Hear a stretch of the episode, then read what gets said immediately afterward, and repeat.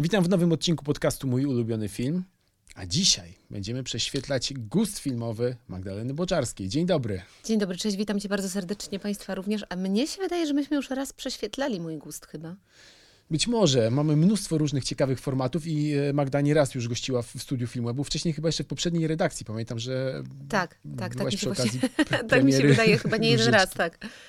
Ale mój ulubiony film to trochę inny rodzaj rozmowy. Będziemy sobie dyskutować, bo tak jak e, zawsze piszę o tym podcaście, w tejże rozmowie dyskusja o kinie staje się punktem e, wyjścia do rozmowy o życiu. I miejmy nadzieję, że dzisiaj nam się to uda. Spotykamy się przy okazji premiery e, serialu Żywioły Saszy. Ten serial można już było zobaczyć e, na serwisie streamingowym player.pl, a tymczasem od 6 kwietnia na tvn na głównej antenie. Więc jeżeli ktoś ma wersję do korzystania z serwisów streamingowych, to tym razem już przed Magdą i profilerką Saszą Załuską nie ucieknie. E, kurczę, pierwsze pytanie właśnie a propos Żywiołów Saszy, bo ten serial serial był kręcony w trakcie pandemii koronawirusa, więc to mnie ciekawi. Ta pandemia zresztą cały czas trwa, ale chciałem cię zapytać właśnie o to, jak kręciło się serial no, w wyjątkowych warunkach, e, bo do tej pory no, to był pierwszy taki projekt, przy którym pracowałaś, kiedy trzeba Wiesz było przede wszystkim tak, przede wszystkim zaczęliśmy w pierwszej połowie sierpnia, trzy miesiące tak naprawdę po czasie, bo zdjęcia mieliśmy zacząć w połowie kwietnia. I w momencie, kiedy no, ponad rok temu, na początku marca że się tak kolokwialnie wyrażę, wystartowała ta pandemia, no to padła decyzja o wstrzymaniu zdjęć nie tylko zresztą naszej produkcji, ale wielu innych. I po trzech miesiącach, już właściwie w czerwcu, niektórzy zaczęli wracać do pracy. Nam się udało wszystko skompletować i, i przystąpić tak w pełni do pracy na połowie sierpnia. I powiem Ci, że mm, no, czuć było oddech tej pandemii. No, na początku wiadomo, że wszyscy mają takiego ogromnego stracha i jak sobie uświadomisz, z jaką machiną obcujesz, a my mieliśmy tak napiętą kalendarzówkę, że w momencie, kiedy trudno sobie było wyobrazić, że coś się może wysypać, jeszcze olbrzymia ilość e, scen z ogniem, wybuchów, scen kaskaderskich, scen dużych, scen zbiorowych, gdzie rzeczywiście jak się wyłamuje jeden element z tej układanki, to właściwie nie wiedzieliśmy, troszeczkę jeszcze nas bardzo emisja goniła, bo my kończyliśmy zdjęcia w połowie października, i miesiąc później już ten serial wchodził na playera, czyli czas na montaż, na udźwiękowienie, na skomponowanie muzyki, na wszystko też był tak ograniczony, że zdawaliśmy sobie sprawę z tego, że jak nas koronawirus kolokwialnie też użyje tego słowa, po raz drugi wysadzi z siodła, to będzie kłopot. I powiem Ci, że to jest dość niezwykłe, że pomimo testowania i rzeczywiście dużej ilości ludzi, którzy się na planie przewinęli, oczywiście wszyscy bardzo tego reżimu e, przestrzegali i, i chodzili w maseczkach poza osobami, głównie aktorami, którzy z racji z charakteru swojej pracy, no już w momencie bycia wyjścia z make-upu e, tych maseczek e, nie mieli, ale też byliśmy na bieżąco testowani, tak jak wszyscy, to powiem Ci, że wydaje mi się to dzisiaj, z dzisiejszej perspektywy naprawdę niezłym cudem, że to się udało skończyć o czasie. I ja zachorowałam na COVID, pewnie trochę też z osłabienia trzy tygodnie po skończeniu zdjęć, ale rzeczywiście my żadnego y, przypadku koronawirusa na planie nie mieliśmy. I oczywiście mój późniejszy COVID nie ma nic wspólnego z tym planem, ale tak jakby śmieję się, że mój wewnętrzny, y, y, bi biologiczny y, zegar wytrzymał, w sensie, że jak się miałam zarazić, to po prostu już po, po zakończonym okresie, kiedy właściwie zrobiłam gro swoich prac, że to w żaden sposób nie wstrzymało produkcji. Oczywiście zdrowie najważniejsze, ale myślę, że wiesz, no też następne kolejne produkcje e, przede mną. Wchodzę e, za niedługo na plan i myślę sobie, że to jest trochę taka rzeczywistość, w której wszyscy się chyba trochę będziemy musieli nauczyć żyć. Myślę, że też produkcje zakładają sobie taki margines czasu jakiegoś miesiąca związany z tym, że różne rzeczy mogą się wydarzyć. A masz w ogóle poczucie, że nastąpi jakiś zastój w biznesie, czy liczba e, scenariuszy, które piętrzą się na twoim biurku do przeczytania jest dokładnie tak samo wysoka, jak była wcześniej? Znaczy odczuwam bardzo dużą zmianę, bo przede wszystkim no, jeżeli ktokolwiek mógł dobrze wyjść na koronawirusie, to właśnie te platformy VOD, mhm. bo na to zapotrzebowanie jest rzeczywiście ogromne. Jest mi bardzo przykro z powodu sytuacji kin i odczuwam to, że jeżeli chodzi o filmy fabularne. Fabularne jest mniejsze zapotrzebowanie i, i, nie kręci się ich tak dużo, jak robiło się wcześniej, albo planuje się to zrobić, one są wstrzymywane. Mm, no, nie ma się to tak dobrze, jak miało się to do tej pory. To znaczy, jeżeli na jakimś polu nie odczuwam różnicy, to rzeczywiście są to y, plany y, produkcji serialowych. Natomiast Mhm. jeżeli chodzi o teatro, kino, no to nie będę oszukiwać, że nie ma się to dobrze. Ja zawsze powtarzam, że mam to szczęście, że, że jestem aktorką y, pracującą i oczywiście odczuwam, znaczy mam to szczęście, że, że gdzieś, y, bo to bardzo często w przypadku wielu moich kolegów, którzy są doskonałymi aktorami, mm, a nie mają takiego szczęścia i, i, i nie mają propozycji serialowo-filmowych i na przykład są aktorami grającymi tylko w teatrze. Ja mam to szczęście spełniać się na wielu, mm, bo i czytanie książek, i e, filmy, i seriale, i teatr, i, i gdzieś e, mm, jakoś, na, jeżeli gdzieś jakaś płaszczyzna kuleje, to wiem, że mm, na swoje życiowo na prostą wyjdę po prostu choćby realizując się na planie serialu. To też jest tak, że mi bardzo brakuje kina. To jest troszeczkę inny charakter pracy, ale cieszę się, e, że, że pracuję, że zarabiam pieniądze, ale też, że mam możliwość kontaktu z widzem, bo te pierwsze trzy miesiące pandemii wpłynęły na mnie bardzo źle. To znaczy ten moment takiego zachłyśnięcia się, kiedy mm, mówisz sobie, że to jest, y, że zdrowie jest najważniejsze, że mm, i moje i bliskich, że i, i w ogóle ludzi, że to też sprzyja zaciśnięciu więzi rodzinnych, jakiejś takiej rodzinności, to gdzieś po dwóch miesiącach ten niepokój o pracę i ta tęsknota za pracą, ale też co za tym idzie, za kontaktem z ludźmi, bo ja jestem takim turbostatnym zwierzęciem, też moja praca polega na byciu z ludźmi, ale przede wszystkim też na kontakcie z publicznością, więc jeżeli nie mogę sobie tego zrekompensować e, będąc na scenie, znaczy zaspokoić, nie zrekompensować, to rekompensuję to po prostu w inny sposób. Mhm. A co oglądałaś w trakcie pandemii? Miałaś na przykład jakieś seriale, które zaczęłaś oglądać?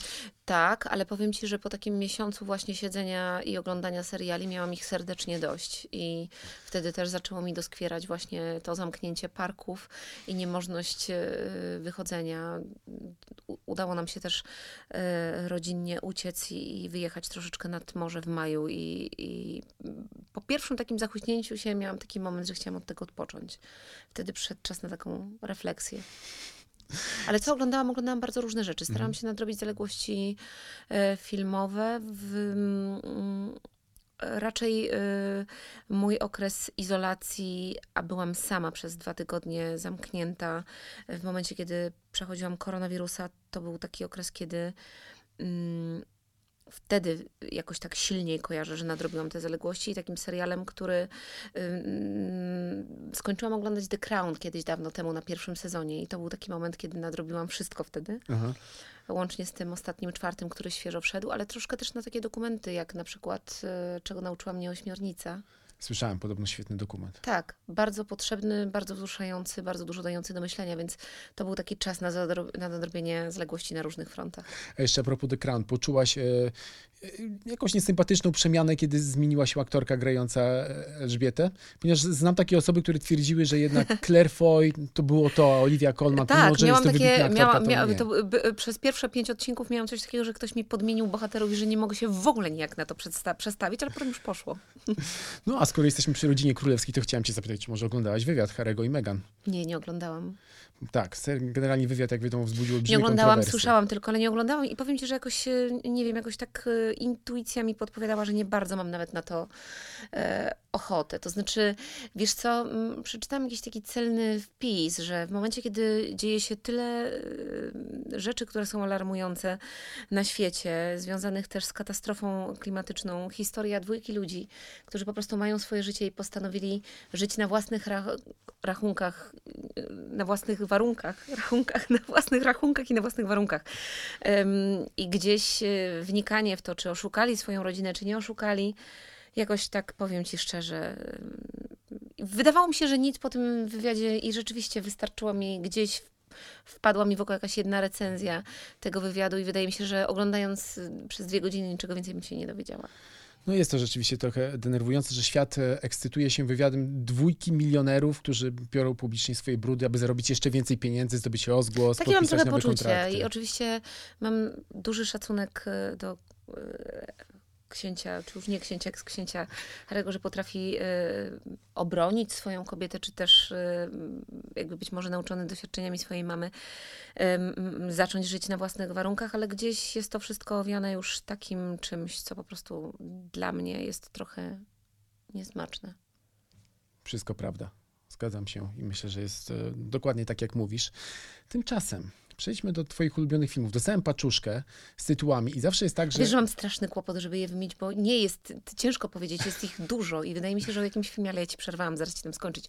Chcę tylko powiedzieć, no. że e, ja jestem taka w ogóle trochę gaduła rzeczywiście, jak się roz, rozgadam, że jest tak, że rzeczywiście y, wydaje mi się, że jakiś film jest twoim ulubionym na dany moment życia, a potem o, tym, o nim zapominasz, a potem sobie zupełnie o nim przypominasz w abstrakcyjnych okolicznościach, natomiast pojęcie tam się jeszcze połowa filmów pewnie nie znalazło, ale... To zaraz spokojnie, może je wyłuskamy wszystkie, ale w ogóle masz właśnie takie poczucie, że z wiekiem gust filmowy się zmienia i że na przykład na, na pewnym etapie życia jest jakiś film, który jest dla ciebie najważniejszy, a potem jak do niego wracasz, Absolutnie. to myślisz sobie, że, że, że, to już nie działa, tak? Masz na przykład nie. Taki... W przypadku mhm. filmów, które ci wymieniłam, to myślę, że one są z różnych względów, ale też ze względów, które w jakimś sensie, bo przecież filmy zawsze odbieramy przez jakiś nasz pryzmat osobisty. Jest to e, kwestia, która nie podlega dyskusji, dlaczego ktoś bądź jakiś aktor, y, jakaś kreacja, jakiś film zostawia ślad i dlaczego jest dla nas y, ważny. Akurat w przypadku filmów, które ci y, wymieniłam, to myślę, że być może jeżeli już teraz nie robią na mnie mhm. takiego wrażenia, jak w momencie, kiedy zobaczyłam je po raz pierwszy, to ciągle żywe jest we mnie wspomnienie, co uruchomiły i dlaczego, dlaczego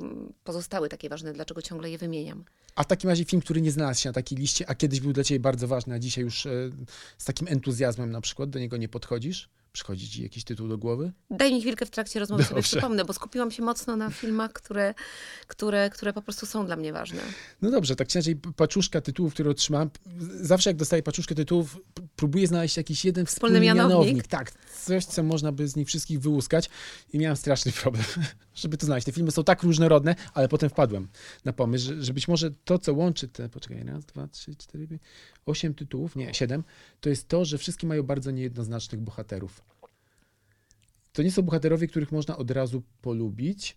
To są bohaterowie, którzy często e, bywają denerwujący, czasem robią złe rzeczy, ale jednak zostają z nami, bo są wielowymiarowi, tak bym to ujął. Wiesz co, no tak, ale w ogóle popatrz, e, jeżeli chodzi w ogóle o charakter, który przyciąga, to wydaje mi się, że to jest w ogóle domena dobrych filmów. Jak masz charakter, który jest jednoznaczny albo krystaliczny do, zobacz, nawet The Crown, o którym rozmawialiśmy, to się aż mieni od niejednoznaczności, od takich, wydaje mi się, że to jest w ogóle klucz do zbudowania ciekawego bohatera, który przyciąga. Bo jak ktoś jest łatwy do zdefiniowania po paru sekundach, to moim zdaniem już nie przykuwa. Tak. No jest to, aczkolwiek zagrać postać, Ludzie która jest są w ogóle... krystalicznie czysta i fajna i taki, żeby jednocześnie żeby jednocześnie. A, a, a to ciekawe, a powiedz mi teraz y, na przykład film, w którym jakby na pierwszy rzut oka przychodzi ci taka krystaliczna, bez żadnych wątpliwości postać. No nie wiem, chyba Marvele, Kapitan Ameryka na przykład. Nie wiem, czy jesteś fanką ekranizacji komiksów. No dobra, no to jak taki argument z takiej rury zapodajesz, to tak, no oni są krystaliczni, to prawda, ale odcinając się od tego typu bohaterów. Jezu, oglądałem coś ostatnio. O, na przykład Ted Lasso, nie wiem, e, serial z Jasonem Sudeikisem, który ostatnio dostał Złoty Glob. Mamy tam bohatera, który jest poczciwiną. E, jest trenerem piłki, futbolu, mhm. który przyjeżdża do Wielkiej Brytanii, aby tam poprowadzić drużynę piłkarską i jest po prostu miłym facetem, który stara się być dla wszystkich dobry, stara Ale bez się... żadnych wątpliwości, potem, cieni życiowych, Potem pojawiają się dylematów. cienie. Potem pojawiają się cienie. No, widzisz. tak. Bo w ogóle mi się wydaje, że niejednoznaczność, ale też y, wątpliwości, rozterki, to wszystko jest... Y, mi się wydaje, że ludzie lubią mieć takie poczucie, jak oglądają serial albo film, albo sztukę teatralną, że mogą się z bohaterem utożsamić. A to ci da tylko i wyłącznie albo wada, albo niedoskonałość. No tak, no do ideału trudno jest mhm. doskoczyć. Ale pierwszy tytuł, Dracula Francisa Forda Coppoli. Och, to jest chyba mój ukochany film, taki, jeżeli mam wymienić taki film wszechczasów, który zrobił na mnie... Ja byłam jeszcze dziecięciem, nastolatką i pamiętam, zobaczyłam ten film i on mnie absolutnie powalił. I to jest, wiesz co, oglądałam ten film niedawno na jakimś e, kanale, który nawet nie pamiętam, bo jeden z takich bardzo niszowych, pod, mhm. powtarzający już jakiś po raz pięćdziesiąty ten sam tytuł i miałam takie poczucie, że to jest film, który się absolutnie nie starzeje. I to też jest domena tych, do, no popatrz na Ojca Chrzestnego, to jest film, który się absolutnie nie starzeje. Już nie mówiąc o Przebinało z wiatrem, też się nie starzeje, ale, ale yy, to jest film, który pamiętam, zrobił na mnie ogromne wrażenie yy, pod względem ścieżki dźwiękowej. Wojciecha Kilara. Wojciecha Kilara, doskonała muzyka. I też zobacz, y, jakie tam są zdjęcia. To był dla mnie bardzo taki nowatorski sposób. Pamiętam doskonale ten moment, kiedy pociąg, y, mogę się już mylić, ale chodzi mi o to, że tunel zamienia mhm. się potem w oko albo w element yy,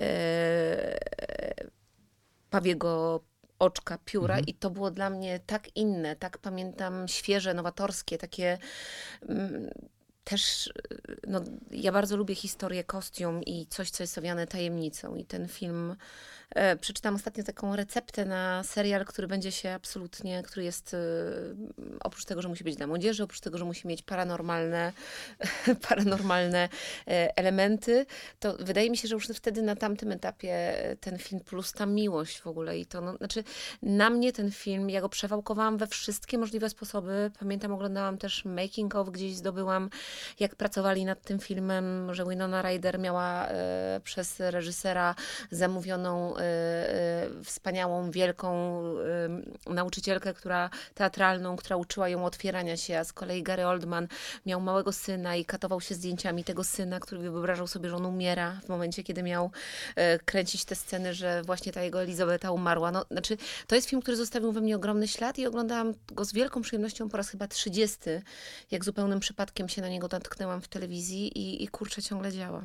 No to jest rzeczywiście numer jeden. 30 razy to już jest e, konkretny wynik. Jest ciekawe, że podobno Winona Ryder w ogóle doprowadziła do realizacji tego filmu. No coś ty e, że przyniosła scenariusz dla Francisa Forda Coppoli. Naprawdę? Tak, oni się spotkali razem, ponieważ Winona Ryder miała grać w Ojcu Chrzestnym 3 i podobno w ostatniej chwili zrezygnowała i była przekonana, że Coppola jej nienawidzi, w ogóle nie będzie chciał z nią rozmawiać i z nią pracować i przyniosła ten scenariusz, rozmawiali, on jej wyjaśnił, że spoko, odeszłaś od projektu, ale ja to rozumiem, zdarzają się napięte grafiki. On powiedział, że chciałaby z nim pracować, powiedział, rzuć uwagę na ten scenariusz. On tak spojrzał z politowaniem, potem zobaczył tytuł Dracula i nagle oświecenie, bo Dracula jest jednym z jego ulubionych tytułów i stwierdził, że chce to robić, ale miał pierwsze założenie w ogóle już przystępując do tego projektu, że wszystko ma zostać zrobione bez cyfrowych efektów specjalnych, e, wszystko przy pomocy bardzo tradycyjnych e, sposobów kręcenia. Nawet zwolnił podobno pierwszą ekipę speców właśnie OTFX, ponieważ oni chcieli wykorzystywać komputer. Mówi, nie, nie, wszystko tradycyjnie. Jego syn dopiero został zaangażowany, Roman Coppola, żeby nakręcić to tak, jak trzeba. I rzeczywiście plastyczność tego filmu,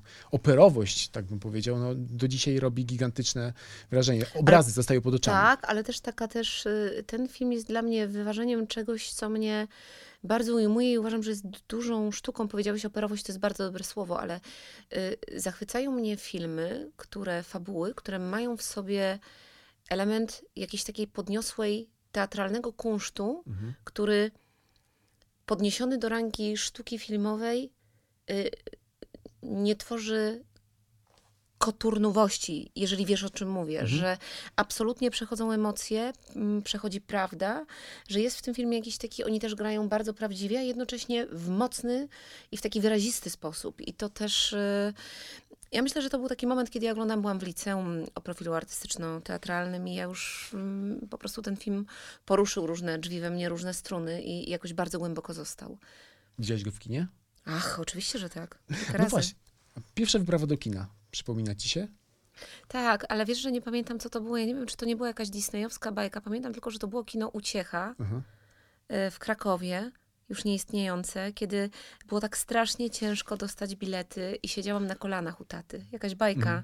dziecięca. I pamiętam, że mój tata zdobył cudem bilet, trzymał mnie na kolanach i pamiętam właśnie, że była to kreskówka, ale pamiętam, że że pamiętam też ogromne mm, przeżycie, jakie to we mnie. Nie pamiętam filmu, ale doskonale pamiętam ten tłum dzieci, te kolejki przed kinem i to, że to był właśnie jakiś taki disneyowski, świeża premiera, która właśnie dopiero co weszła i że było to kino Uciecha. A miałaś taki moment że na przykład chowałaś się, ponieważ to była twoja pierwsza wizyta i na przykład jeżeli działo się coś, nie wiem, przerażającego na ekranie, nie wiem, chowałaś się w, tatę albo pod fotelem, żeby na przykład e, uniknąć co bardziej przerażających momentów, bo patrzę na przykład na swoją córkę i wiem, że ona na przykład jak się boi, to się chowa właśnie pod fotel, jak jest w kinie.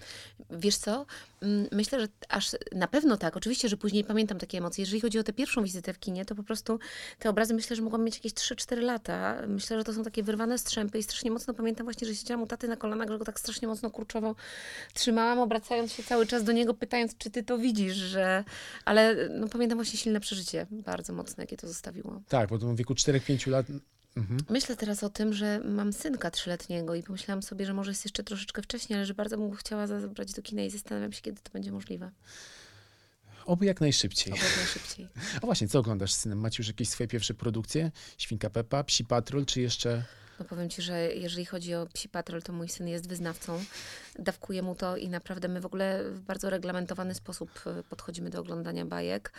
E, I bardzo dbam o to, żeby te takie bardziej energetyczne nie, nie były w repertuarze wieczornym, jeżeli takowy się nam zdarzy. Raczej Zaśnięcie wieczorem stawiamy na książki, wtedy. tak, ale, ale mm, no, wtedy stawiam, jeżeli już wieczorem, wiesz co, bardzo też pilnuję tego, żeby mój, mój syn absolutnie jest zachwycony misiem uszatkiem. Mhm. I to była moja ulubiona bajka w dzieciństwie i pamiętam, jak już się to zaczynało. Pora na dobranoc.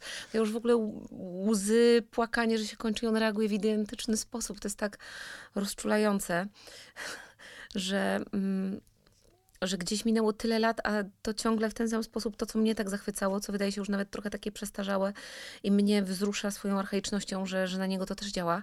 Y, Staram się, żeby... No, mamy różny repertuar. Oglądamy też dużo bajek na, na Netflixie, ale bardzo na przykład tam lubimy Śmietka, czekamy na Aha. drugi sezon.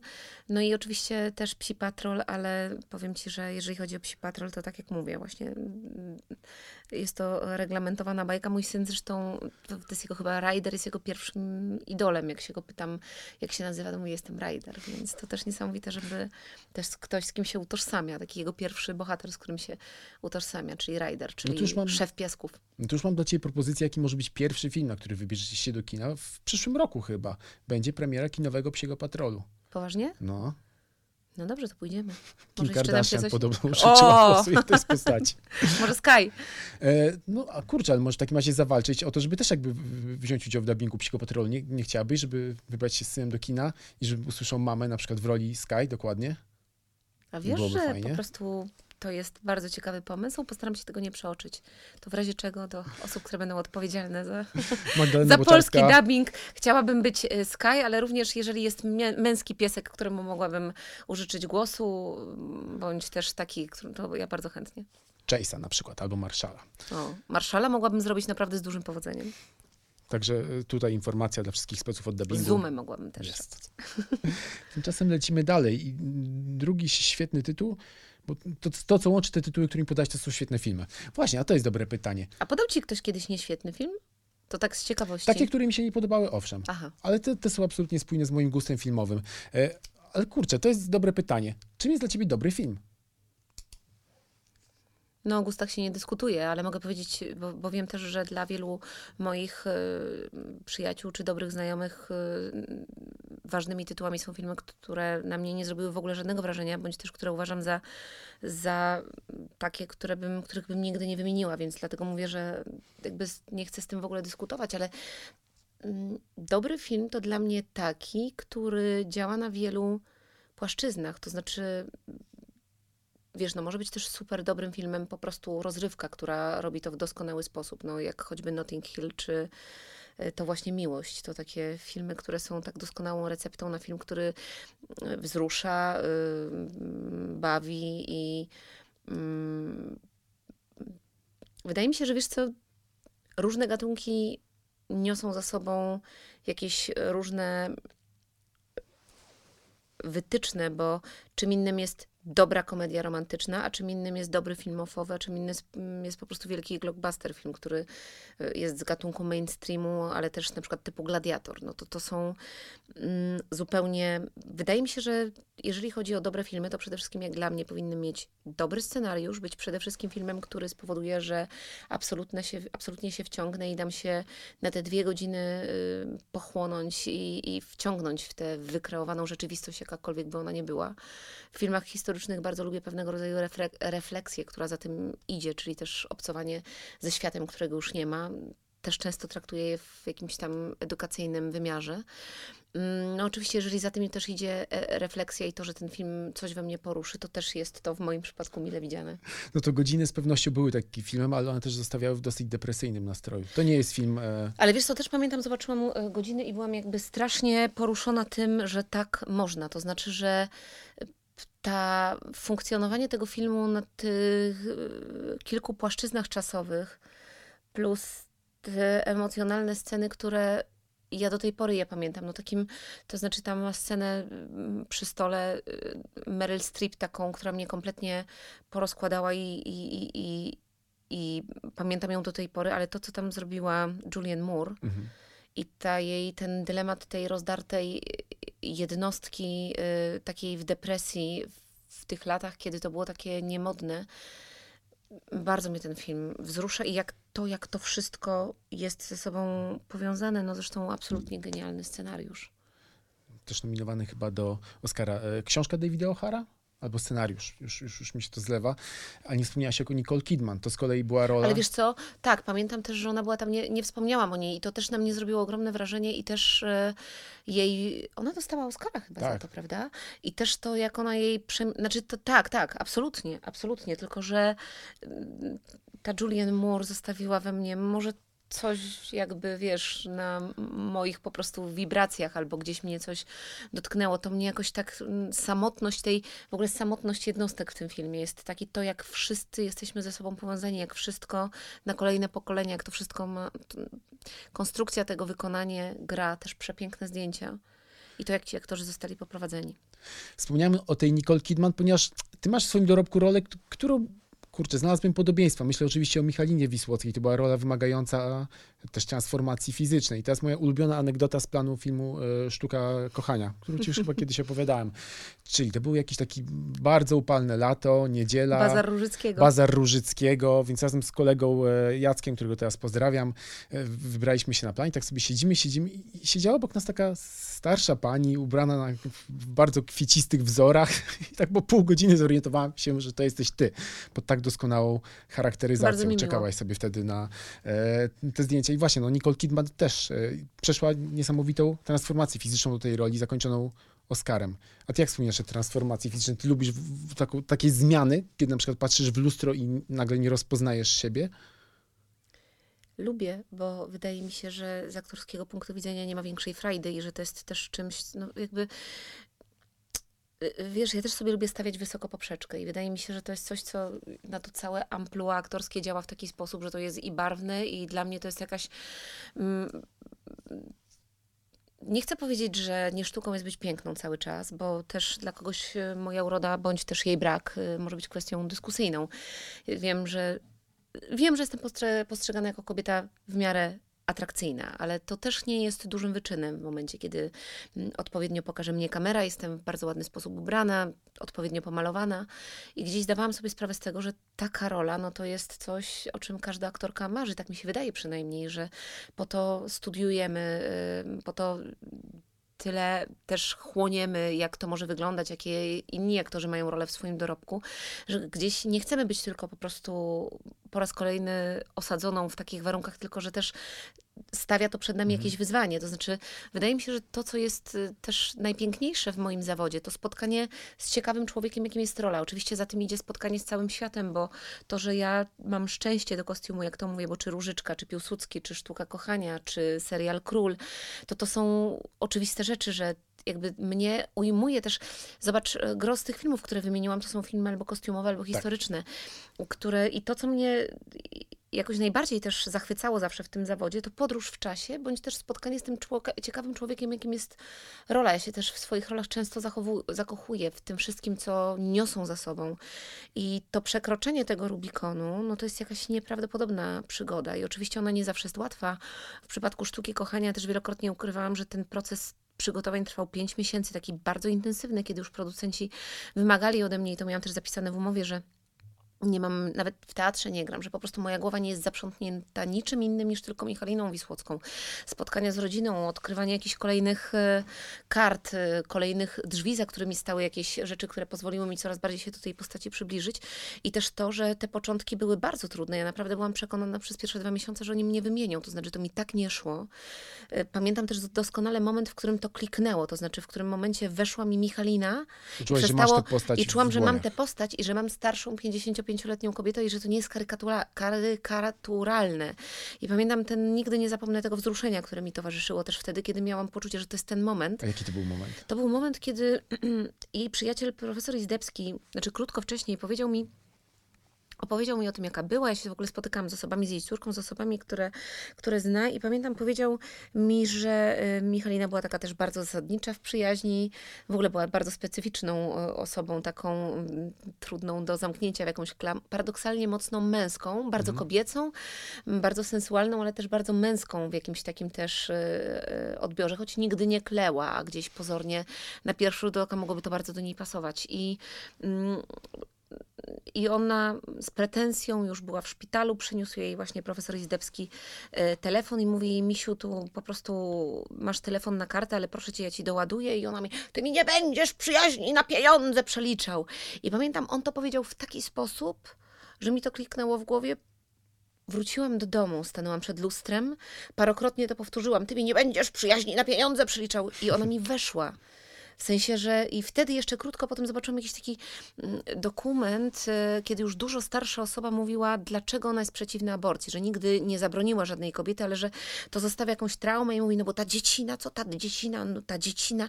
I to jest też taki ton, usłyszałam jedno słowo, ta dziecina, które mi otworzyło we mnie coś, że po prostu już poszło potem dalej jak, jak lawina. I, I no to naprawdę, to będą jedne z takich momentów w zawodzie, które gdzieś będę zawsze wspominać i nawet do tej pory, jak to mówię, to się naprawdę wzruszam, bo to są takie magiczne, magiczne chwile. Ale w ogóle przy okazji Sztuki Kochania, no wiesz, jakby pytasz, czym jest dobry film, a mogę już powiedzieć, że to jest dobry film i że zdarzył mi się nie jeden taki dobry film, bo też y, myślę, że mam to szczęście mieć na koncie kilka. Myślę, że kilka to już jest naprawdę co najmniej dwa albo trzy duży, duży sukces. To jest dobry film, który działa na wielu frontach. Zobacz, przy okazji Sztuki Kochania udało się takie piękne zjawisko, jak y, ym, zaoferować po prostu dobre kino. Film, który wzrusza, który pozostawia jakąś refleksję, który mm, bawi, który też powoduje, czy ma czysto mm, rozrywkowe aspekty. Tam się na wielu, tak jak podobnie jak Bogowie, tam na wielu frontach udało się y, jakby dobić do brzegu i to myślę, że jest duża wartość. A jak y, wspominałaś o tym, jak zdobywasz jakąś postać, y, a jak to wygląda w drugą stronę? Trudno ci jest zrzucać z siebie postaci, kiedy plan zdjęciowy kończy się, zdjęcia są zakończone? Bardzo i też wymagało to wielu lat, y, że wyrobiłam sobie w ten mechanizm i tę higienę y, wychodzenia z postaci. Oczywiście w momencie, kiedy mam rodzinę, mam, mam malutkie dziecko, to mam trzylatek to ciągle malutkie dziecko. Jest y, inaczej, nie chcę powiedzieć, że prościej, ale ta, to życie i, i, i proza życia, mów- że celowo używam słowa proza życia, bo nie, nie, to, to jest dla mnie piękne. To nie oznacza wcale nic, co cokolwiek mi ujmuje. Wyciąga po mnie rękę dużo częściej, nawet na planie, że te momenty, kiedy ja mogę się tak oddać i zatracić w postaci, to też są momenty, kiedy mnie, bo wiesz, zrobię taką małą dygresję, że macierzyństwo i aktorstwo to są słowa, które tak naprawdę się znoszą. W sensie jedno i drugie wymaga całkowitego zaangażowania i y, gdzieś wybalansować to w taki sposób, żeby umieć się stworzyć postać, oddać się jej i nie cierpiało na tym ta druga sfera i też jakby nie mieć takiego poczucia i wyrzutów sumienia, że może powinnam być teraz z dzieckiem, a jestem na planie, to jest też duża sztuka, której się cały czas, y, y, cały czas uczę, ale wracając do, chciałam powiedzieć, że odkąd mam dziecko jest inaczej, ale ja się w rolach zakochuję. Zakochuję się w postaci, w, w planie często, jakby przywiązuję się do ludźmi, z którymi to tworzę i każde, każda taka rola, która jest dla mnie w jakiś sposób ważna, nie, bo nie każda, każda jest ważna, ale nie każda powoduje aż takie przekroczenie Rubikonu. I, i, I to dobrze, bo mamy różny dorobek, mamy różny dorobek, jakby aktorzy, mówię, mamy. To miałam na myśli, mm, pracujemy w różny sposób, nie da się tak samo ciągle spalać i się ścierać. Też to, że jakaś rola wymaga ode mnie mniej zaangażowania, nie znaczy, że podchodzę do niej z y, większą czy też mniejszą estymą. No, jakby do każdej roli podchodzę tak samo, tylko czasami są takie role, które dają trochę więcej możliwości, bądź coś jest nie więcej wpisane, choćby to przekroczenie Rubikonu. I w przypadku sztuki kochania, różyczki, y, filmu w ukryciu, tak właśnie było, że na planie zdarzyły się też dla mnie samej tak y, ważne dla mnie chwile, które związały z takie przeżycia, które powodowały, że po prostu jak się ten plan kończył, to najnormalniej na świecie ciężko było tak po prostu Depresja. pożegnać się z ludźmi i powiedzieć okej i po prostu zapomnieć o tym, że przez ostatnie cztery miesiące było się na planie, a wcześniej tworzyło się tę postać. Akurat w przypadku Sztuki Kochania zaraz, za chwilę zaczęła się bardzo intensywna promocja tego filmu, więc ta przygoda trwała dalej. Plus to jest takie wielkie szczęście, kiedy jeżeli coś robisz, a robisz nasz zawód bez, bez ludzi, bez tej reakcji ludzi, nie ma sensu, bo my to robimy dla ludzi. Kiedy się spotka, to z tak pięknym przypięciem, jak w przypadku Sztuki Kochania. To jest tak, że zwieńczenie tego filmu, które polegało na tym, jak ten film został odebrany i ile ludziom dał, było najpiękniejszym zwieńczeniem całej tej przygody, bo czasem jest po prostu smutne, jak coś się tak zupełnie ucina. Mhm. Wspomniałaś o tym, że aktorstwo i macierzyństwo mogą się znosić, a więc teraz odbijając piłeczkę, w jaki sposób macierzyństwo wzbogaciło cię jako aktorkę? Masz poczucie, że cię wzbogaciło?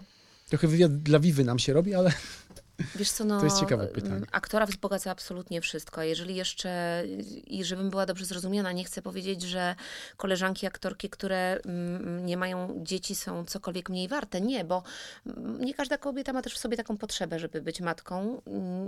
Nie wszystkie mają, nawet jeżeli chcą to szczęście, bo może nie mogą zajść w ciążę i wtedy muszą też w jakiś inny sposób się z tym mm, pogodzić. Ja bardzo chciałam i szczęśliwie zostałam, więc ja mogę powiedzieć, że mnie to bardzo wzbogaciło. To jest największa lekcja pokory, jaką dostałam. Nigdy w życiu też nie byłam tak zmęczona. Ja jestem odkąd on się urodził bardzo szczęśliwa, ale też zmęczona i ma to macierzyństwo też różne oblicza. Dużo też płaczę, często czuję niemoc. Trafił mi się, trafiło mi się późne macierzyństwo, ale bardzo intensywne. Mam też bardzo wymagający egzemplarz Ciekawy Świata, niełatwy, więc to się, to macierzyństwo mieni się tak różnymi obliczami tak wieloma, że to absolutnie nie jest tak, jak wiesz, mówi Instagram, że po prostu kolorowe, kolorowe wszystko i po prostu ja też się często ze swoim dzieckiem jakoś ścieram, docieram. I no, wzbogaciło mnie to na bardzo wielu frontach, już nie mówiąc o tym, że jest to inny rodzaj miłości, którego nie znałam wcześniej, więc to już jest samo w sobie, plus ten strach, ta troska i tak jak mówię, olbrzymia lekcja pokory. Więc to mi, jeżeli chodzi o macierzyństwo i o moje dziecko, dostarcza mi tak wielu y, wrażeń i to jest tak ogromny wachlarz emocjonalny, że, że czuję się przez to też bogatsza jako aktorka. Wiesz, trochę to, co masz w sobie, to jesteś w stanie dać na zewnątrz. I ja tak zawsze myślałam o aktorstwie. Oczy- Oczywiście od wielu rzeczy też mamy wyobraźnię i grałam mamę też wcześniej, nie będąc y, matką, ale no, jak już, jak już się to zdarzyło, to już wiesz, czerpię z tego pełnymi garściami i też y, wydaje mi się, że, mm, że używam tego na poczet swojego aktorstwa. Wiesz, to też jest tak, że pamiętam, to nie znaczy, że ja muszę teraz we wszystkim, to działa na wielu frontach, choćby takich, że przytrafiła mi się rola w serialu y, w, w, pod powierzchnią. Mówię celowo przytrafiła, bo ona dość późno do mnie przyszła, już była właściwie cała obsada skompletowana. Nie jest tajemnicą, że, że gdzieś e, ten serial zaczęła inna aktorka. Potem się tak koleje losu potoczyły, że, że ja po prostu dość późno trafiłam do tej obsady, tak dla mnie dość nagle, ale byłam wtedy y, y, mm, mamą półrocznego Henia i ten aspekt dziecięcy bardzo w tej roli się przydał, plus kontekst mojego zmęczenia bardzo też w tej roli zapracował, matki z depresją, więc to też jest coś, co dobrze użyte może być bardzo roli pomocne. Tak, myślę, że też jakby posiadanie dziecka sprawia, że e, inaczej ogląda się filmy, w których są dzieci, w których na przykład te dzieci Och nie, cierpią. to w ogóle to ja To nie wtedy mogę. się człowiek po prostu tak, to, unika to jest, tego. Tak, Ja tak absolutnie. To, to w ogóle o tym nie wspomnę. To na mnie działa bardzo niedobrze i rzeczywiście, jeżeli chodzi o krzywdę dzieci, to jest coś, co mnie najbardziej dotyka i wobec czego czuję się najbardziej bezbronna. Znaczy też taka bezradna. To w takim razie skoczmy do filmu, w którym pojawia się również aspekt macierzyństwa, czyli fortepian Jane Campion, Złota Palma w Cannes. Jak w tym wypadku wyglądały narodziny miłości do, Do tego dzieła? filmu? Tak.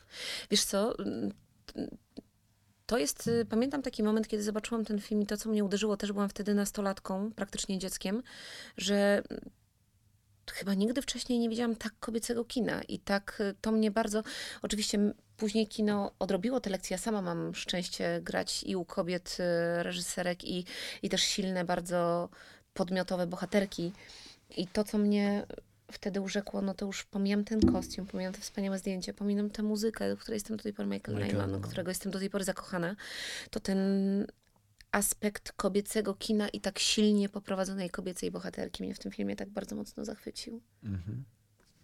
Tymczasem kolejny tytuł z kobietami głową w mur. To jest też Tutaj to jest film trochę na, Uwielbiam na antypodach. Mhm. Na antypodach z kolei fortepianu, bo to nie jest film wystylizowany, to jest raczej ochłap życia. Tak, ochłap rzucony. życia, on ma w sobie coś też bardzo brudnego, ale też jest y, tam, bardzo lubię tego reżysera, też zrobił fa, fa, fantastycznie u niego Daniel, Daniel Krüger. E, Krieger zagrała za swoją rolę, dostała Złotą Palmę w Cannes dla Mhm. najlepszej aktorki kilka lat temu, nie tak dawno.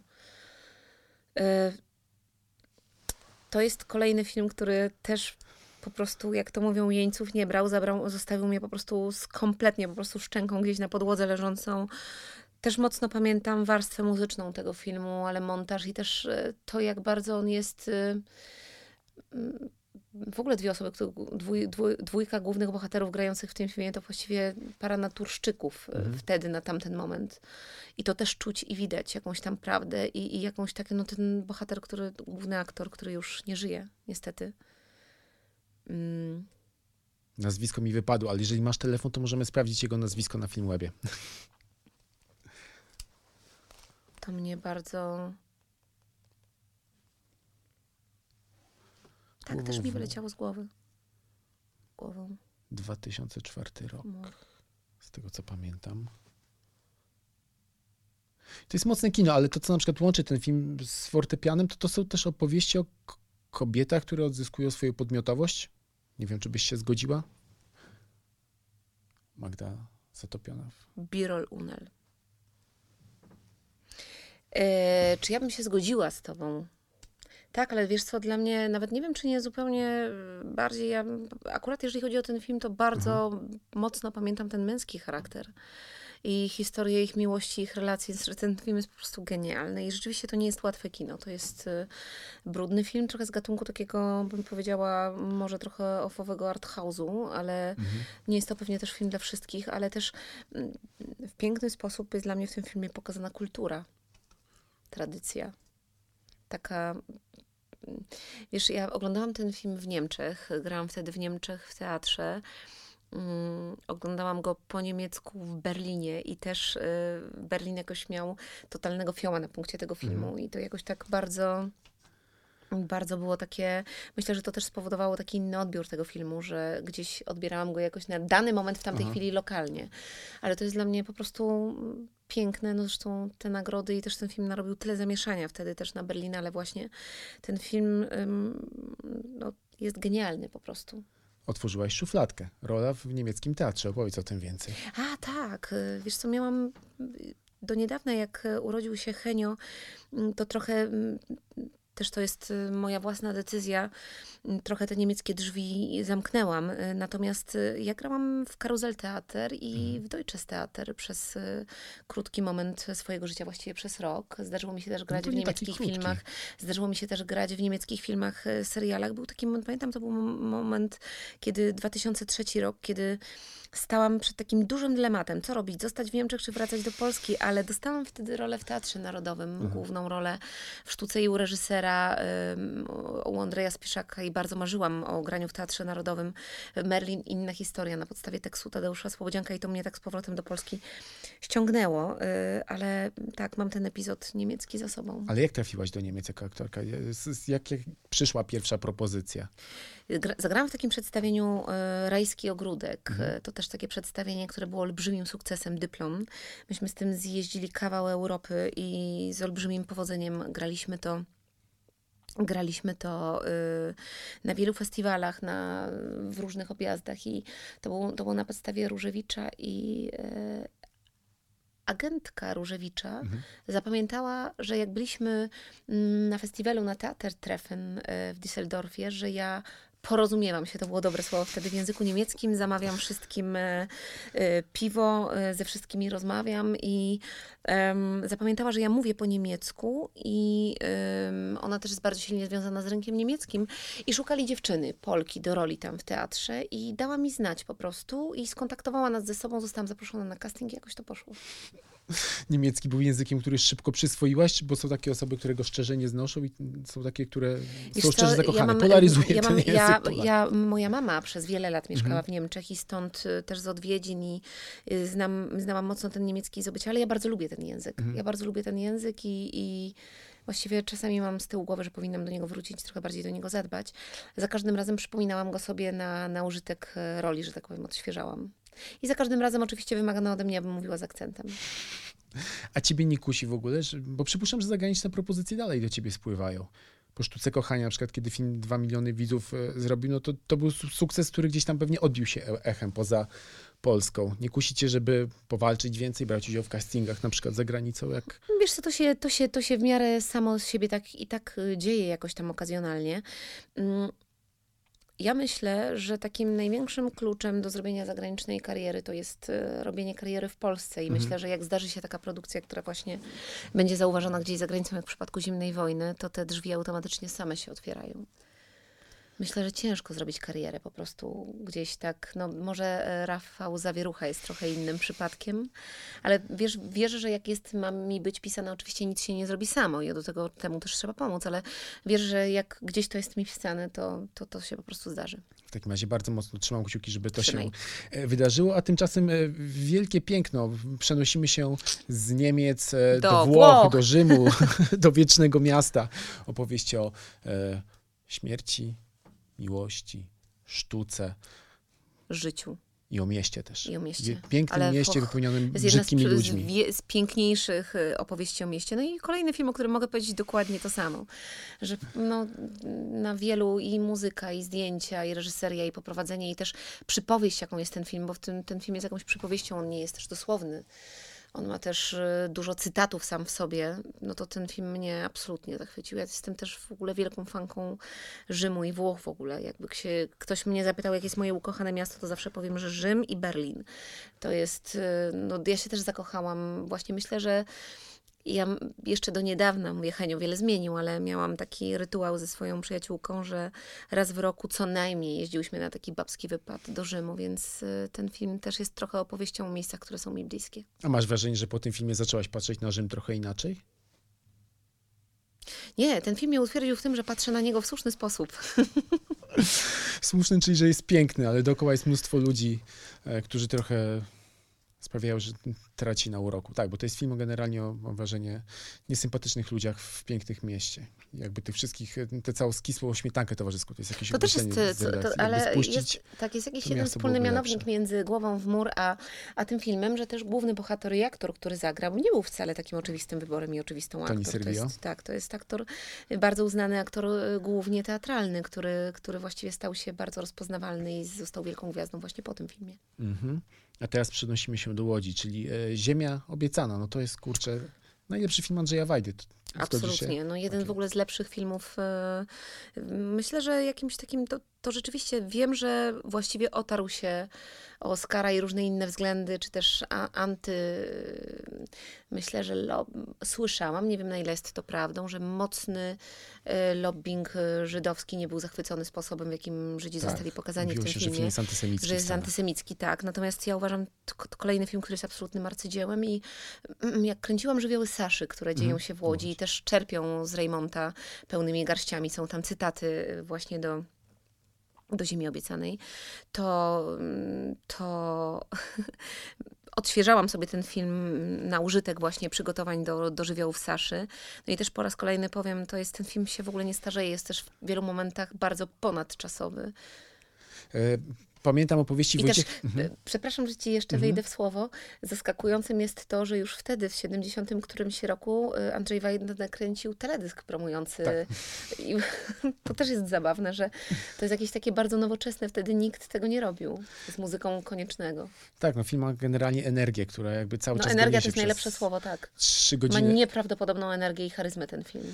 I niesamowitych aktorów, którzy wnoszą e, siebie w ten film. Pamiętam opowieści Wojciecha Przoniaka na przykład, jak, e, że tam sporo scen było improwiz- improwizowanych, na przykład scenę z bohaterem Przoniaka, czyli Morycem Weltem, który jest totalnie pijany po jednej z orgii, zostaje ocucony przez e, bohatera Daniela Olbrychskiego i to jest zresztą jedna z takich scen, które się pamięta w ogóle do dzisiaj, jak oni go wynoszą z tego, on tam wymiotuje, potem go próbują nieść i tu z kolei ciebie chciałam zapytać, odbijając się od tego, czy masz na przykład sceny improwizowane, które ty zaimprowizowałaś, które ty wymyśliłaś na planie filmowym, z których jesteś szczególnie dumna? Absolutnie. To poproszę o szerszą odpowiedź. Słuchaj, powiem ci tak, nie wiem, czy pamiętasz film Różyczka. Pamiętam. Tam jest taka scena z Robertem Więckiewiczem. Sporo e, jest scen z Robertem i z tobą. Ale jedna taka scena z pistoletem, kiedy ja do niego Mhm. mówię, pokaż mi pistolet. Mhm. I pytam się go, kiedy on mnie po raz pierwszy wprowadza do swojego mieszkania. Ja orientuję się, czym się zajmuje mój ukochany, że jest oficerem służb bezpieczeństwa, że on mnie prowadzi i pytam się, mówię do niego, pokaż mi, czy masz pistolet. On mówi, mam. On mówi, pokaż. Ja pytam, czy kogokolwiek kiedykolwiek zabiłeś. I oczywiście powiem ci, że uważam, że to jest jakaś taka. Ja uważam, że naprawdę świetni i wielcy reżyserzy potrafią czasami wiedzieć, kiedy oddać aktorom pole i kiedy im zaufać. Jan Kidawa-Błoński i w przypadku filmu W ukryciu i w przypadku Różyczki powiedział, jeżeli ty już jesteś tą postacią, to ty mi powiesz o niej dużo więcej niż y, ja będę w stanie.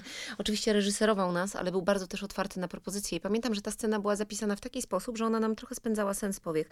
Myśmy ją trenowali, mm, próbowali i, i jakby wydawało się, że już jest jakaś ustalona wersja i w momencie, kiedy przyszło do realizacji tej sceny, usiedliśmy z Robertem Więckiewiczem y, w Barobusie. Pamiętam, plan został wtedy wstrzymany na jakieś 2-3 godziny. Dyskutowaliśmy o tej scenie, mówiliśmy nie, położyliśmy się rejtanem. Mm, Jan Kiedawa-Błoński powiedział, dobrze, zaproponujcie i to jest nasza taka zupełna improwizacja, jak ta scena, zupełnie przepisana scena i o zupełnie czym innym. I e, ta scena e, było do mnie zabawne, bo parokrotnie spotkałam się z tym, że na podstawie tej sceny y, w szkole filmowej dyskutowano o jakimś sposobie narracji nieoczywistej, aktorstwa. Mhm. I to jest dla mnie takie zaskakujące, że scena, która jest w pełni improwizowana, potrafi zostawić jakiś ślad, że nadaje się jej zupełnie inne znaczenie, a ona po prostu powstała. Może nie przypadkiem, bo reżyser jakby uwierzył, że warto posłuchać aktora, ale takich scen oczywiście też będzie, będzie kilka, ale to jest taka pierwsza, tak ad hoc, która mi przychodzi, przychodzi do głowy. W jednym z wywiadów pochwaliłaś się, że są plany nakręcenia sequela Różyczki. One Tak. są ciągle aktualne? Absolutnie aktualny jest y, scenariusz i rozmowy są nawet niedawno. Jan Kidawa-Błoński otwarcie o tym powiedział, tytuł Kandydatka. Mhm. I gram swoją córkę, Wow. która, ym, nie mogę więcej powiedzieć, ale w dość zaskakujących okolicznościach, a sama jest zaskakującą osobą publiczną, dowiaduje się o tym, kim byli jej rodzice i czym zajmowała się jej mama. Jak myślisz, czy w tym roku wejdziecie na plan zdjęciowy? Były takie plany, jest mi ciężko, ciężko powiedzieć, czy uda, się, czy uda się to w tym roku domknąć. Myślę, że może być to, myślę, że może być to nierealne, ale wiosna za rok y, na 100%. Z tego co wiem. Ale razie- powiem ci, że bardzo dobry scenariusz. Dawno nie czytałam tak dobrego scenariusza i mam nadzieję, że Jan Kidawa-Błoński mnie nie zamorduje, ale też mm, oczywiście napisał ten scenariusz Maciej Karpiński, Mhm. ale ten scenariusz też y, mm, długo był w Stanach Zjednoczonych i się poprawiał. No to super. To też Tak, świadczy to jest bardzo dobry scenariusz. Naprawdę czuć, że on latami się poprawiał, że dostał też swój czas. A masz wrażenie, że polski biznes filmowy w ogóle się sprofesjonalizował na przestrzeni ostatnich lat? Chociażby to, mówiąc o scenariuszu sequela Różyczki, jeżeli miał tam amerykański skrypt doktorów, jak rozumiem, którzy pracowali nad nim, że generalnie jakby idziemy ku zachodowi, jesteśmy coraz e, bliżej. Producenci filmowi są coraz bardziej rzutcy, No, coraz sztuka bardziej kochania, energiczni. sztuka No, kochania to nie wiadomo. jest też tajemnicą, że miała skrypt y, doktorów i wydaje mi się, że nie jest to żadną ujmą i że.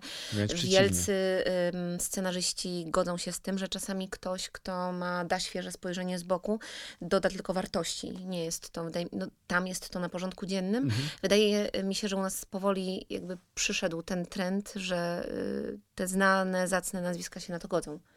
A ciebie nie kusiło nigdy, żeby zacząć pisać? Masz na przykład w szufladzie jakiś tekst? Nie myślałaś o tym, żeby zostać reżyserką na przykład? Bo A wiesz, jest... że tak? Nie, ale serio pytam. Ale wiesz co, to jest, myślę, słuchaj, bardzo sobie życzę, sobie życzę, żebyśmy się mogli w niedługiej przyszłości spotkać i o tym porozmawiać, jak będę się mogła. Być może będę mogła i miała się czym pochwalić. Dobrze. W takim razie mam nadzieję, że Na razie powiem Ci, że jestem w toku, powiem nieskromnie i wolałabym na tym zamknąć ten epizod, bo, e, ale mam nadzieję, że, że przyjdzie taki moment, kiedy będę mogła rozmawiać o tym i wrócimy do tej rozmowy i sobie to wspomnimy. Tak, to jest w biznesie filmowym, że dopóki papiery nie zostały podpisane, lepiej niczego nie ujawniać. Ja też jestem zapraszać. taką osobą, która nie lubi jakby, wiesz, rzucać słów na wiatr i chwalić się po próżnicy, więc jeszcze potrzebuję trochę więcej konkretów. Jak się zadzieje, to, to przypomnę ci się i, i zaproszę się wtedy sama na rozmowę do ciebie. Doskonale. E, Kurczę, wspomniałaś o sz- szkole filmowej. Ja też chciałem chwilę o niej porozmawiać. E, Studiowałaś w swoim rodzinnym mieście, czyli w, Mhm. w Krakowie. Tak. A nie żałowałaś na przykład, że, że, że z racji tego, że, zaczął się dorosły etap w, w twoim życiu, nie chciałaś gdzieś wyjechać generalnie, odciąć się? Nie, ja marzyłam o szkole krakowskiej. Ja jako Mhm. nastolatka pamiętam, oglądałam te przedstawienia w Teatrze Starym i wydawało mi się, że oglądać tych aktorów, mieć tych aktorów za profesorów, to jest złapanie Pana Boga za nogi. Ja chodziłam na te wszystkie egzaminy do szkoły teatralnej w Krakowie i powiem Ci, że szkoła teatralna była jedyną szkołą, do której ja w ogóle złożyłam papiery. Tak. Nie robiłam sobie furtek nigdzie indziej. Mhm. Pewnie słyszałaś ostatnio, co się dzieje na Słyszałam. Facebooku i Instagramie. Słyszałam. Skomentowałabyś to w jakiś sposób? Jak, jak, Skomentowałabym jak to, to, bardzo mnie to, bardzo mnie to smuci i, i mm, podchodzę do tego z wielką uwagą, żeby było jasne. Ja nie pod, w ogóle nie poddaję tego pod wątpliwość i wierzę, że osoby, które mówią, że zostały skrzywdzone i poszkodowane, zostały skrzywdzone i poszkodowane. Ja mam to olbrzymie szczęście, że przez całe lata, cztery lata trwania szkoły, nie spotkałam się z żadnym mm, przejawem przemocy, mobbingu. Wspominam wszystkich swoich profesorów e, cudownie. To były wielkie, spełnione nazwiska Anna Polony, Krzysztof Globisz, e, Agnieszka e, Mandat, wspomniany Wojciech Przoniak, świętej pamięci, profesor Wajdak, Krystian Lupa. Ja mam tak Naprawdę ja miałam wielkie szczęście, do, nawet Izabela Olszewska, ja mam wielkie szczęście, e, Jerzy Trela, do wielkich nazwisk, które mm, pozostawiły, jeżeli krytykę, to konstruktywną. Nie twierdzę, że zawsze było łatwo, ale mm, mam poczucie, że przynajmniej mój rocznik rozumiał to, że jeżeli jakiś profesor się na nas wkurzył, to też to było twórcze i wynikało z niemocy i z troski o nas, a nie mm, z przekraczania granic. Ja bardzo mnie to smuci i nie poddaję tego pod w ogóle pod wątpliwość, ale już parokrotnie zostałam poproszona o komentarz i o skomentowanie tego. Mogę tylko powiedzieć, że miałam to szczęście mieć cudownych profesorów i mnie takie doświadczenia nie spotkały. Ale słyszałam od kolegów i, i wiem, że takie rzeczy miały miejsce. A ciebie nie kusi na przykład, żeby zacząć przekazywać swoją wiedzę dalej? Bo na pewno propozycje już się pewnie pojawiały. Wiesz co? Ja myślę, że dobrze bym się spełniła y, w roli jakichś warsztatów czy takich spotkań, żeby się podzielić swoim doświadczeniem, ale wydaje mi się, że, że żeby mieć dar pedagogiczny, to jest, znaczy to jest dar, dobrze użyłam tego słowa, ja go w sobie nie czuję i myślę, że być może mogłabym się świetnie w tym odnaleźć. T- Zostałam parokrotnie i z, ma, mam takie doświadczenia ze sobą, wyszło to super, ale myślę, że tak oddać się byciu pedagogiem, prowadzić zajęcia, myślę, że to nie jest, ten, nie wykluczam, myślę, że to nie jest ten etap. W takim razie po raz kolejny trzymam kciuki, aby młodzi adepci e, aktorstwa mieli szansę e, razem z tobą wdrażać się i generalnie poznawać e, arkana tegoż zawodu. A tymczasem ostatni film, o którym chciałbym jeszcze dzisiaj pomówić i który znalazł się na twojej liście, czyli Mechaniczna Pomarańcza Stanleya Stanleya Kubricka. No wiesz co, to, to też, o często właśnie złapam, na- po raz kolejny mówię do ciebie, no wiesz co, no wiesz co, no więc pewnie wiesz.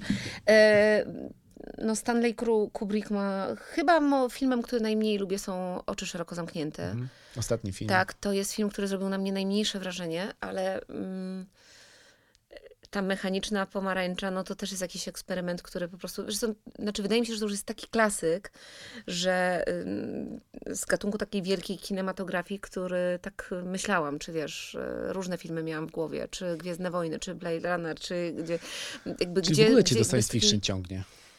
Właśnie Gwiezdne Wojny nadrobiłam. Wiesz, że Gwiezdne Wojny zobaczyłam dopiero w dorosłym życiu i to niedawno, wszystkie części. A spodobało ci się? wstydzę. Nie no, jak wszystkie części, to, to znaczy, że ci się Nie, spodobało. Bardzo chciałam je nadrobić, y, tak, ale wciągnęłam się, jakby musiałam chyba do tego mocno dojrzeć. Mhm. Musiałam do tego mocno dojrzeć.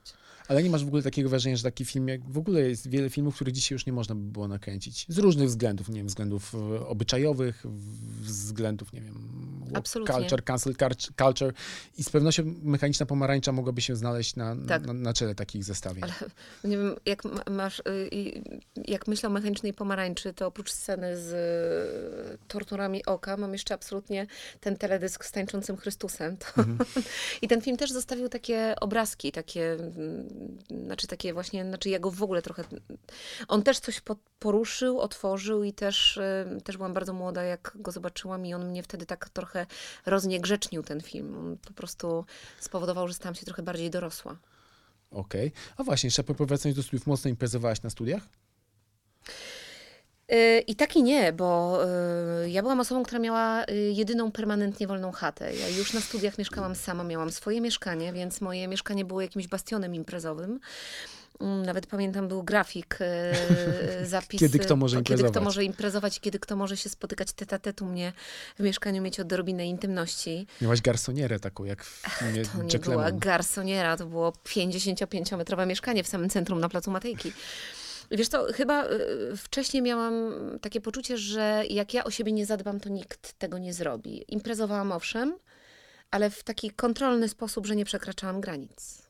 A dzisiaj jeszcze imprezujesz, czy już jakby e, dorosłość, stateczność, posiadanie dziecka wyeliminowało z ciebie pierwiastek właśnie Właśnie tak pomyślałam ostatnio, że strasznie zatęskniłam za taką imprezą. Tak partii Monstera? chciałabym bardzo, ale wiesz co, jak się pracuje i jak się jest y, mamą, to y, ja powiem ci, że nawet jak mam ochotę się napić lampki wina albo szampana, albo, albo bąbelków, jakieś ja po prostu bardzo lubię bąbelki. Bardzo lubię też y, prosecco, te takie bardziej lightowe alkohole i tak bym sobie chciała coś właśnie puścić, to najczęściej usypiając dziecko o godzinie 9.30 zasypiam w opakowaniu. Muszę tego pilnować, żeby właśnie się przebrać, umyć zęby i dokonać, bo wiem, że po prostu jest duże ryzyko, że ja po prostu odpadnę jak stoję, więc jestem marnym kompanem do imprez. Ale marzą mi się. A w takim razie, najlepszy bankiet po zakończeniu filmu, jaki pamiętasz? Po zakończeniu zdjęć na No przykład. zdecydowanie Sztuka Kochania i Różyczka. To pamiętam, y, bankiet Różyczki zakończył się w takim klubie Dekada, co było bardzo zaskakujące, nikt się tego nie spodziewał. A jeżeli chodzi o Sztukę Kochania, no to wiesz, świętej pamięci Piotr Woźniak-Starak to też była osoba, która mm, wytyczała pewien e, poziom taki z dużej, grubej rury. To znaczy, jeżeli to był jego film i wiedział, że wszyscy naprawdę dali wiele serca i to były wielomiesięczne przygotowania i ciężka praca, to naprawdę y, świętowanie z powodu tego, że wszyscy skończyliśmy wspólną pracę, że się cieszymy, że się udało, że wiemy, że zrobiliśmy coś fajnego, że zrobiliśmy to w olbrzymiej takiej skupieniu, w uwadze też był bardzo zacny. I mam nadzieję, że ten odcinek podcastu Mój ulubiony film też był zacny, bo gość, gościni, bohaterka tegoż odcinka, przezacna Mam Magdalena nadzieję, że było Boczarska. ciekawie. Bardzo dziękuję. Dziękuję Ci bardzo.